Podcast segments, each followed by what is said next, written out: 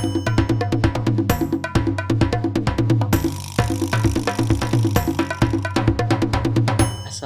warahmatullahi wabarakatuh. Selamat datang di podcast SPF, Suara Pendapat Fahri. Hmm, bagaimana kabarnya teman-teman semua? Semoga sehat selalu dan juga bahagia selalu meskipun di tengah kondisi yang seperti ini. Di awal ini aku pengen berterima kasih banget sampai di proses perekaman episode ketiga ini dari podcast SPF ini aku mendapatkan banyak support dari orang-orang terdekatku.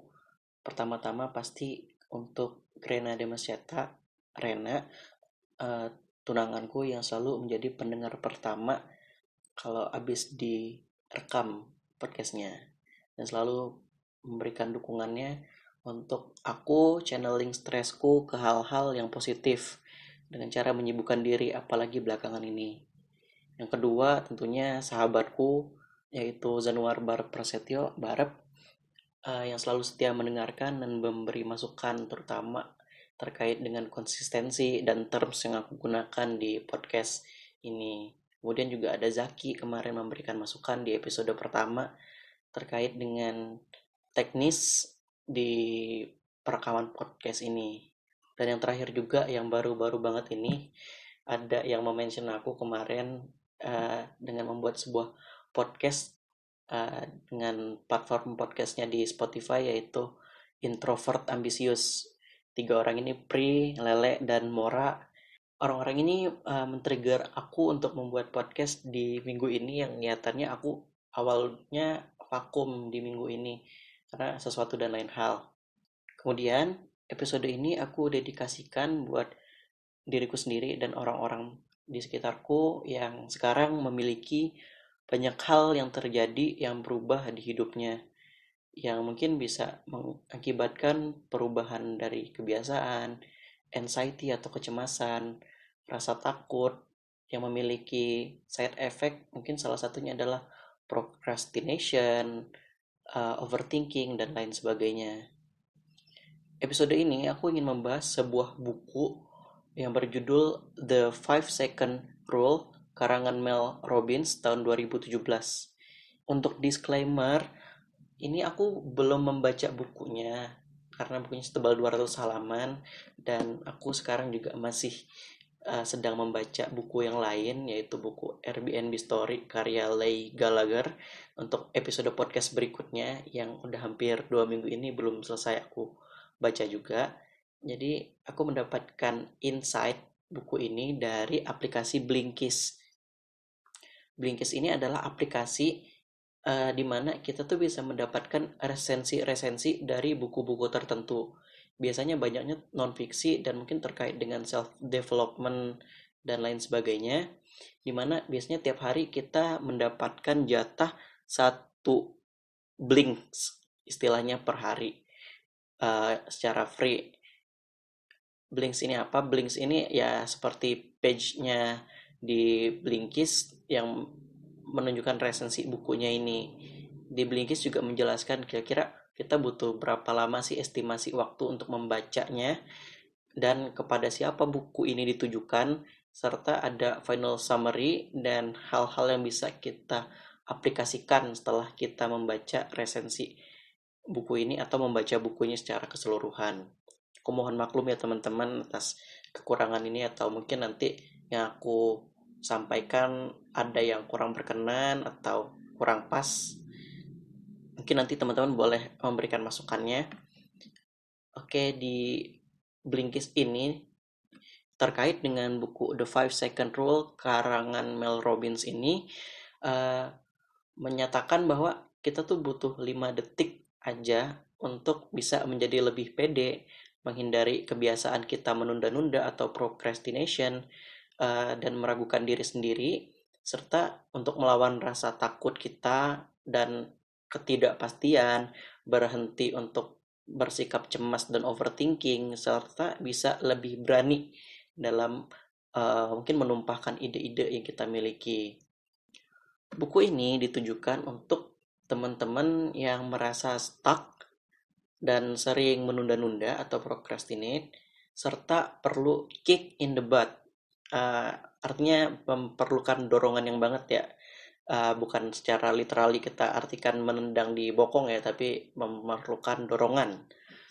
Nah kebetulan aku sekarang merasa stuck dengan banyak hal terutama karena side effect aku stres yang aku pendam sendiri jadilah aku sering banget uh, procrastinate baik untuk tugas kuliah yang aku tunda yang ada jokes internal di kelas bahwa ya bisa dikerjakan satu hari proyek membuat candi kayak Bandung Bondowoso kurang lebih seperti itu uh, menunda-nunda di mungkin tugas-tugas yang lain kepanitiaan termasuk podcast ini juga dan hal-hal lain yang bersifat pribadi makanya aku benar-benar butuh dorongan dan semangat adanya buku ini dan membaca resensi dari buku ini menyebabkan aku lebih terbuka matanya bahwa oh iya mungkin ada hal-hal yang bisa kita kendalikan dalam waktu 5 detik kita berhenti dan hitung mundur ini. Buku ini nyeritain tentang gimana kita stop dan hitung mundur dari 5 hingga ke 1 yang memiliki dampak luar biasa. Bagian pertama dari buku ini menceritakan perubahan habit yang di pagi hari yang dilakukan oleh Mel Robbins yang biasanya mungkin dia ngulet-ngulet atau snooze alarmnya. Nah kemudian di suatu hari itu dia mencoba stop dulu dan kemudian dia hitung mundur dari 5, 4, 3, 2, 1 kemudian dia merasa hal ini mendistraksi diri dia dari anxiety atau kecemasan yang dimiliki dan redirect atau mengarahkan kembali fokus dia ke hal-hal yang memang harusnya dilakukan.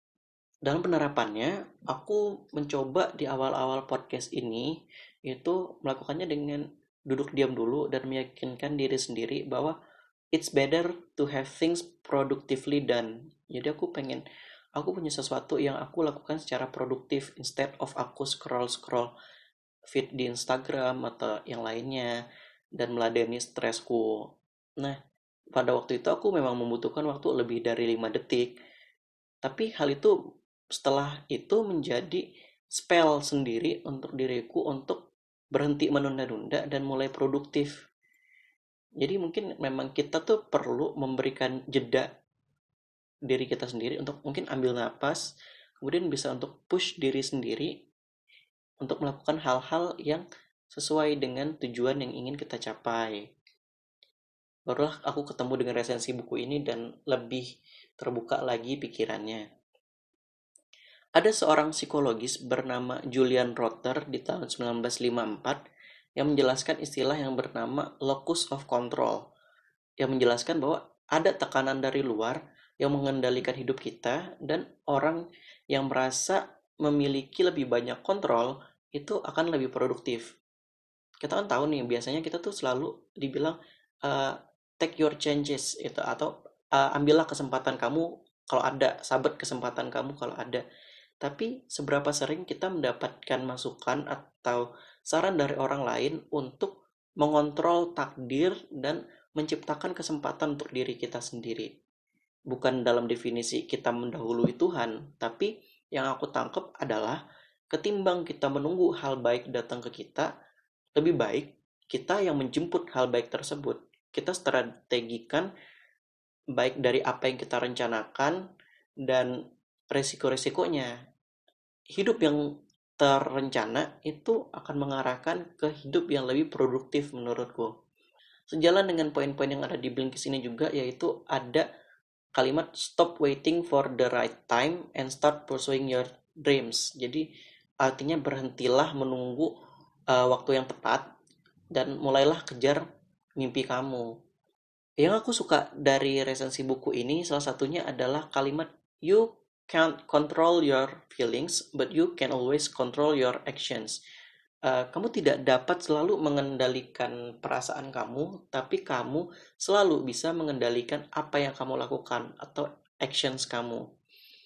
Nah, feelings itu kadang-kadang menjadi sebuah sugesti di pikiran kita yang kadang-kadang itu tidak penting juga dan hal-hal itu tuh menarik diri kita dari melakukan hal-hal yang produktif dalam mencapai tujuan yang hidup yang kita tetapkan.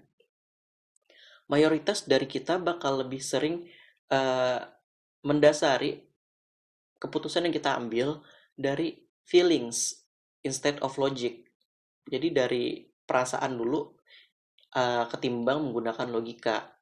Dan hal ini didukung oleh pendapat neuroscientist yang bernama Antonio Damasio bahwa emosi kita itu merupakan 95% faktor penentu keputusan kita. Beliau berpendapat bahwa manusia itu bukan mesin berpikir yang memiliki feeling, tapi manusia itu adalah mesin berfeeling yang berpikir. Makanya disarankan banget menggunakan 5 seconds rule ini dengan memberikan jeda 5 detik kita untuk berpikir dan mengambil keputusannya. Hal ini juga menjadi senjata terbaik untuk melawan procrastination atau uh, menunda-nunda pekerjaan. Dulu, para ahli itu mendefinisikan procrastination ini sebagai hasil dari bad time management atau manajemen waktu yang buruk dan uh, kekurangan dari willpower atau apa ya dorongan dari diri sendiri serta self discipline atau ya disiplin diri sendiri.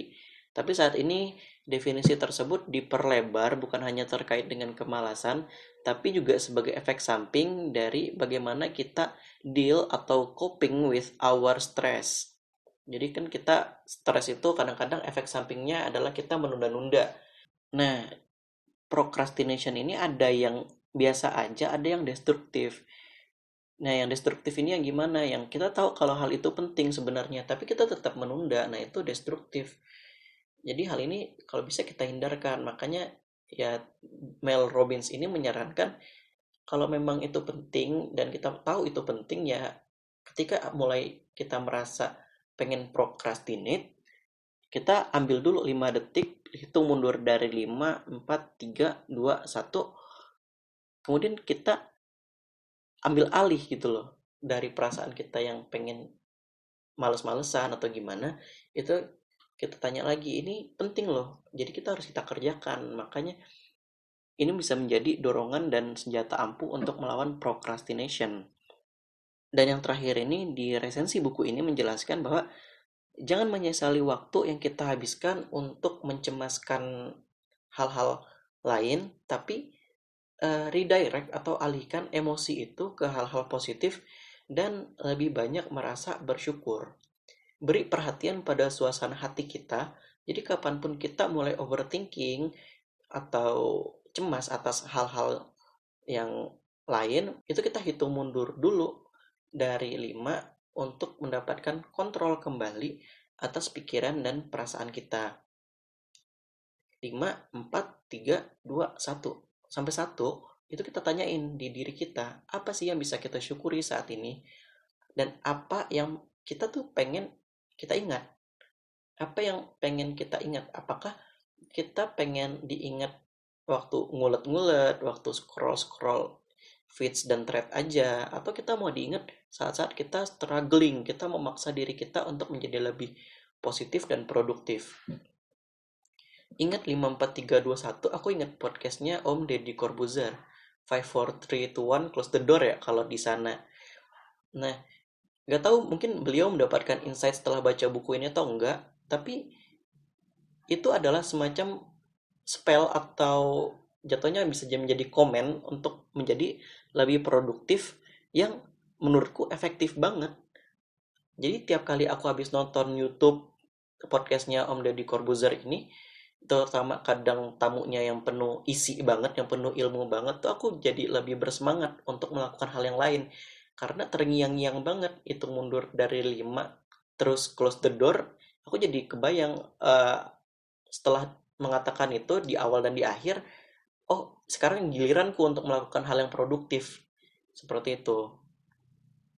Jadi untuk ending ini aku menyimpulkan lagi bahwa melalui buku ini Mel Robbins mengajak kita untuk menerapkan hitung mundur dari 5 ketika kita mulai cemas, worrying, overthinking, dan mulai menunda-nunda hal yang harus kita lakukan. Jadikan 5 detik ini menjadi transisi dari feeling ke logic. Apa yang mau kita kerjakan, apa yang kita miliki, apa yang bisa kita syukuri, dan apa yang mau kita kenang nantinya. Semoga insight dari insight ini bisa membantu teman-teman untuk merubah habit negatif menjadi lebih positif dan produktif. Sebagaimana aku juga akan mempush diriku sendiri untuk menerapkan ini. Bakal capek? Ya mungkin, pasti. Tapi aku akan lebih baik mencoba mengingat-ingat masa-masa capek ini nantinya ketika aku struggle untuk melawan uh, procrastinate aku sebagai bukti aku pernah mencoba menjadi orang yang lebih positif dan produktif nantinya. Sekian dulu podcast episode kali ini. Semoga bermanfaat juga untuk teman-teman. Kalau ada masukan, tanggapan, saran, atau kritik, boleh langsung disampaikan ke emailku atau ke link yang ada di deskripsi uh, podcast ini di episode ini. Semoga teman-teman yang mendengarkan sehat selalu, semoga juga bahagia selalu, semoga hal-hal yang direncanakan itu bisa berjalan lancar. Aku akhiri Wabillahi taufik wal hidayah. Wassalamualaikum warahmatullahi wabarakatuh.